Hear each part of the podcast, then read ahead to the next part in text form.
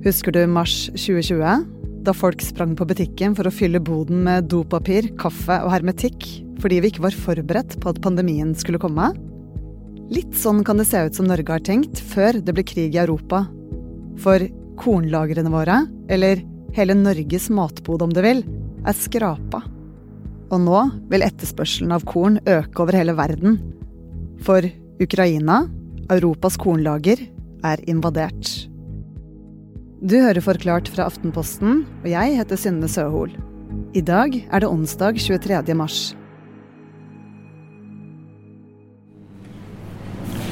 Unnskyld, har dere havremelk? Uh, ja, skal vi snakke borte ved melkeavdelingen. Havremelk eh, er veldig enkelt å lage. Akkurat nå står vi overfor en potensiell verdenskrise. Og vi mennesker har en tendens til å gå inn i krisemodus. Stacke opp kjelleren med mat, kaffe, vann, dopapir, aggregat osv. Men noen av oss har det de trenger fra før. Vi har egentlig ikke noe mer enn den 72-timers-beredskapen som myndighetene anbefaler. Men vi har alt vi trenger for å ha det skikkelig komfortabelt hvis vi skulle miste strøm og vann i tre døgn. Egil Aslak Hagerup har skrevet bok om enkel beredskap for vanlige folk. Eller som mange kaller det prepping. Prepping finnes jo i alle graderinger. Eh, alt fra amerikanske dommedagspreppere med egen atombunker, eh, og ned til at man ikke har noe som helst form for beredskap.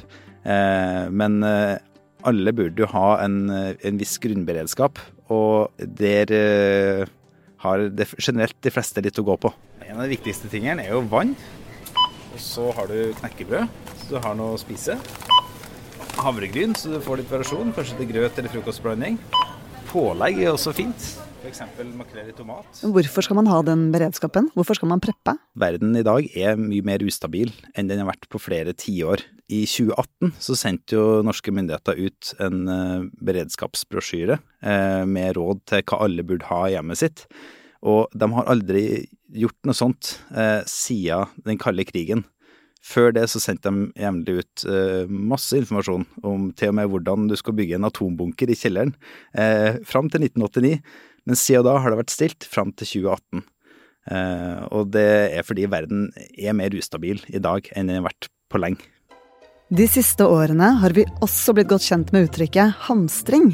Mange assosierer det med å overkjøpe ting som man kanskje ikke trenger. Hamstring er jo når du leser noe som du syns er skummelt i avisa, eller du ser ting rundt deg som gjør at du blir bekymra, og så går du i butikken og så kjøper du det første du kommer på. Eh, kanskje litt i panikk, og kanskje i litt overdrevne mengder. Eh, og tømmer butikkhyllene kanskje for ting som du egentlig ikke trenger, eh, og som kanskje andre hadde hatt mer bruk for. F.eks. Eh, voldsomme mengder dopapir, eh, eller gjær, eller en del ting som vi så at f.eks. under pandemien da, eh, plutselig, ble, eh, plutselig forsvant fra butikkhyllene. Så da er prepping bedre? Eh, prepping handler om at du har en, en plan, eh, og at du har en bevissthet rundt hvilke konkrete scenarioer du er bekymra for. Og at du da tar utgangspunkt i det eh, og tenker hva hvis det her skulle skje? Hva konkret vil min familie trenge?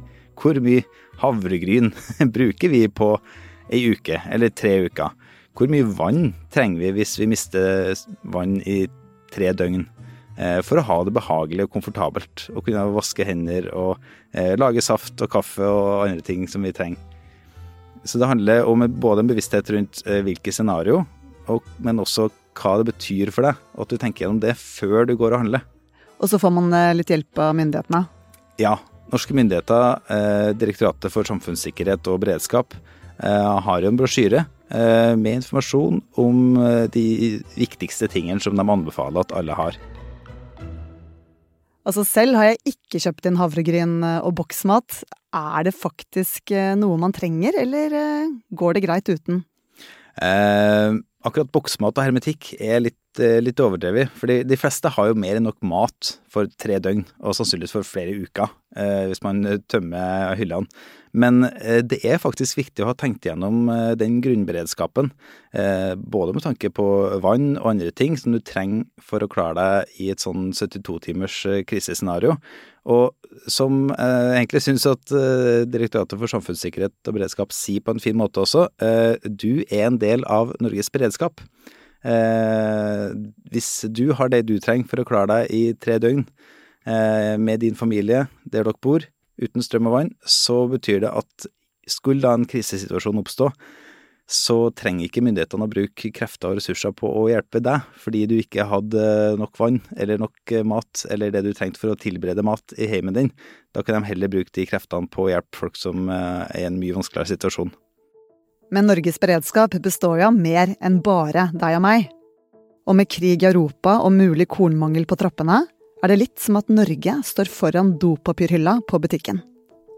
Kan vi kjøpe oss ut av problemet og tømme hylla foran de andre? Og bør vi?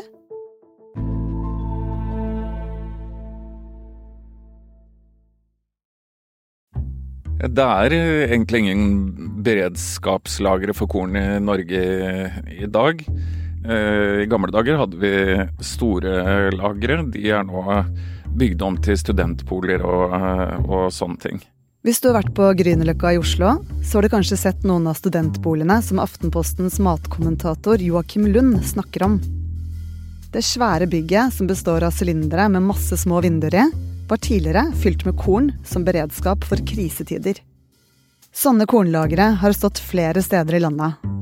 Og ser du etter, vil du få øye på dem bl.a. i Kristiansand, Namsos og Stavanger. Men nå er mange av dem bygget om til bl.a. kontorlokaler, luksusleiligheter og kunsthaller. Og de få siloene som ennå ikke er solgt til private aktører, står ubrukt. Så det eneste vi har i Norge nå, det er eh, det som ligger hos møllene hos eh, kornhandlerne. Som er rett etter innhøsting, så er det eh, drøye en million tonn. Og så blir det borte i løpet av det året som går frem til neste høst. I 2003 sluttet Norge helt med å lagre korn. Da var verden ganske mye tryggere enn den er i dag. Og myndighetene tenkte rett og slett at det ikke var sannsynlig at vi kom til å trenge det Det hadde også liksom vært mange, mange mange år uten at Norge hadde hatt bruk for det. Så det, man anså det bare som noe gammeldags, noe man ikke trengte lenger. Og kornlagring har vært en het potet i politikken. I 2020 var debatten oppe igjen, og da stemte Høyre, Frp, Venstre og KrF mot lagring av korn. Kan ikke du svare bønder istedenfor å snakke jo, men Poenget mitt Listhaug, er jo at Nå, med en ny regjering, er korndebatten igjen blitt opphetet dette er viktige innsatsfaktorer for å få ja, Det er krig i Europa, og det eneste du sitter og snakker men, om, det er hva som er skjedd tidligere. Jo, men, det er en ny verdenssituasjon. I, i motsetning til Fremskrittspartiet. Nå har vi hatt snart 20 år eh, etter 2003 uten beredskapslagre, og det har gått eh, helt fint. Den norske befolkningen har aldri vært truet av matmangel i det hele tatt. Og så er det jo eh, en kostnad med å reetablere de kornlagrene. De må bygges og, og de må driftes. Eh, og så er det jo usikkert om man kommer til å få bruk for dem. Så Solberg-regjeringen var ikke interessert i å reetablere den ordningen, mens Støre-regjeringen er det. Men hvorfor eh, ble kornlagrene i utgangspunktet bygget? De ble bygget fordi Norge egentlig alltid har vært avhengig av eh, å importere korn. Norge har importert masse korn i flere hundre år. Eh, og så så man vel at, eh, at kriger Altså du hadde jo første verdenskrig ikke så lenge før dette her. Og man så at den forsyningen var litt sårbar, da. Sånn at det kunne være lurt å ha noe i bakhånd når det smeller. Det at det ble akkurat hvetekorn, og ikke f.eks. tørrfisk eller chiafrø man lagret, er ikke tilfeldig. For det første så er det veldig næringsrikt, og for det andre så er det jo enkelt å lagre. Eh, og for det tredje så er det noe folk eh, spiser. Sånn at eh, selv i en sånn situasjon hvor man trenger beredskapslagrene, så er man jo litt avhengig av at folk orker å spise det. Så jeg tror å liksom tvinge nordmenn til å spise tørrfisk i et år, det tror jeg kunne gått dårlig. Men så sluttet vi jo med kornlagringen. Hva er grunnene til at behovet for kornlagring kan bli større igjen nå? Det behovet har vært eh, diskutert eh, helt siden kornlagrene ble avviklet i 2003. Og grunnen til det er at Norge produserer så lite korn selv. Sånn at 80-90% av korn i Norge i et vanlig år blir importert. Så det er et ganske sånn sårbart system. Og etter 2003 er den sårbarheten blitt mye tydeligere. Fordi klimaendringene er blitt tydeligere. og og korn, særlig hvete, er veldig sårbart for klimaendringer. Når temperaturen går opp, går avlingene ned. Eh, når du får ekstremvær, kan eh, avlingene bli små. Og, og, det har det vært masse av de siste 20 eh, årene. Det har vært år med flom og år med, med tørke. Og så fikk vi en pandemi som skapte masse problemer. Og så kommer nå krigen på toppen av det. For i tillegg til menneskelig lidelse og millioner på flukt, påvirker krigen i Ukraina også verdensøkonomien. Både med høye strøm- og drivstoffpriser, og ved at tilgangen på korn blir mye dårligere. Ukraina er i seg selv en av verdens største kornprodusenter, og det er også Russland. Så de to landene står for mer enn en fjerdedel av eh, produksjonen av hvete i verden. Det er kanskje åpenbart, men krig skaper ikke akkurat ideelle forhold for kornproduksjon. De russiske stridsvognene de ruller jo da inn eh, over jordbruksområdene. De bruker åkrene til å komme seg frem og ødelegger eh, dem. Eh, I tillegg så er mange av de bøndene som skulle vært ute på åkrene akkurat nå for å, å gjødsle vinterhveten, de er jo i krigen. Eh, og så har du i tillegg da de som har eh, tilgang til gårdene sine, har store problemer med å få tak i drivstoff til landbruksmaskinene sine og, og, og få tak i gjødsel også, for den saks skyld. Russland er verdens største produsent av gjødsel også. Og så, eh, som om det ikke var nok, så er da altså havnene stengt. Og ingen fraktskip eh, vil nærme seg de havnene uansett. Så eksporten fra Ukraina har, har eh, stoppa helt opp. Hvordan er mulighetene for å dyrke korn i Norge, da?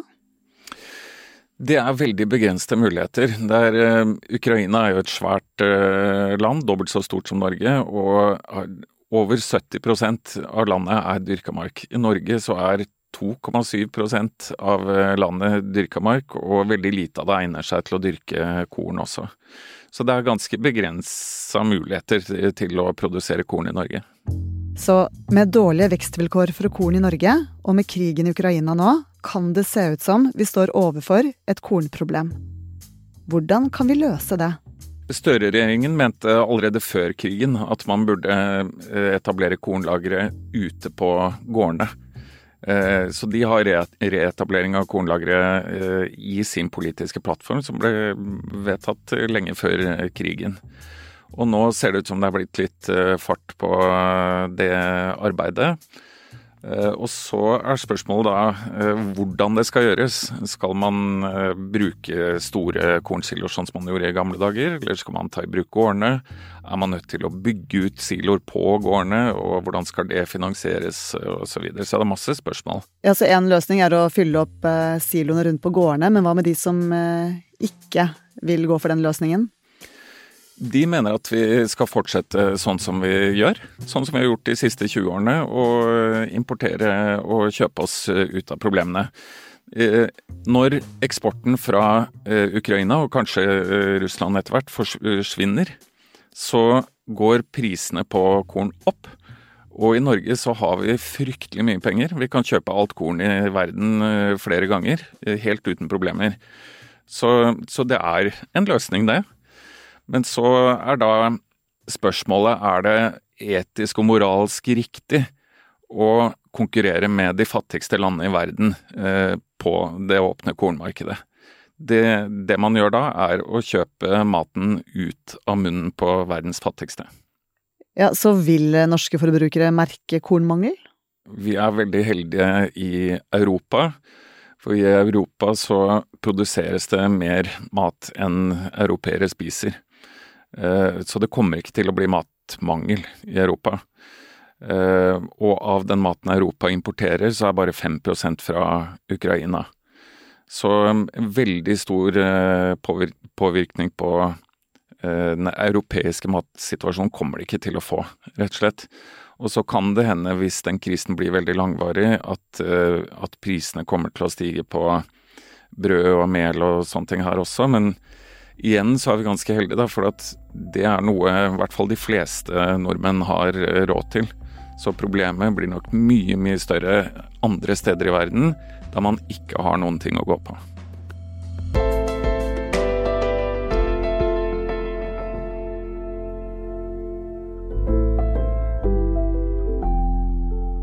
Du har hørt forfatter Egil Aslak Hagerup snakke om prepping, og Aftenpostens Joakim Lund forklare Norges kornlager. Du har hørt lyd fra Mariupol, fra den russiske TV-stasjonen Anna News. Du har også hørt lyd fra NRK. Episoden er laget av David Vekoni, Jenny Førland og meg, Synne Søhol. Resten av Forklart er Anne Lindholm, Anders Weberg, Fride Nesten Onsdag og Marte Spurkland. På ap.no får du hele tiden de siste nyhetene og de viktigste analysene fra både Ukraina-krigen og det andre som skjer i verden. Fortalt, en podkast fra Aftenposten. Per Christian Selmer Andersen har to store interesser i livet. Teater og krig. Og et helt spesielt møte i Ukraina i 2019 gjorde at han nå kan fortelle om hvordan disse temaene henger sammen. 16 år gamle Mark vokste opp i krigen i Øst-Ukraina på midten av 2010-tallet. Og for å finne roen måtte han stenge seg inne i sin egen verden. Og i den tilstanden ble han værende. Helt til den lille byen fikk besøk av noen kunstnere som endra livet hans for alltid. Hør historier som overrasker hver uke i Fortalt, hos Podme og i Aftenposten-appen. Og nå får også alle abonnenter gratis tilgang til Podme.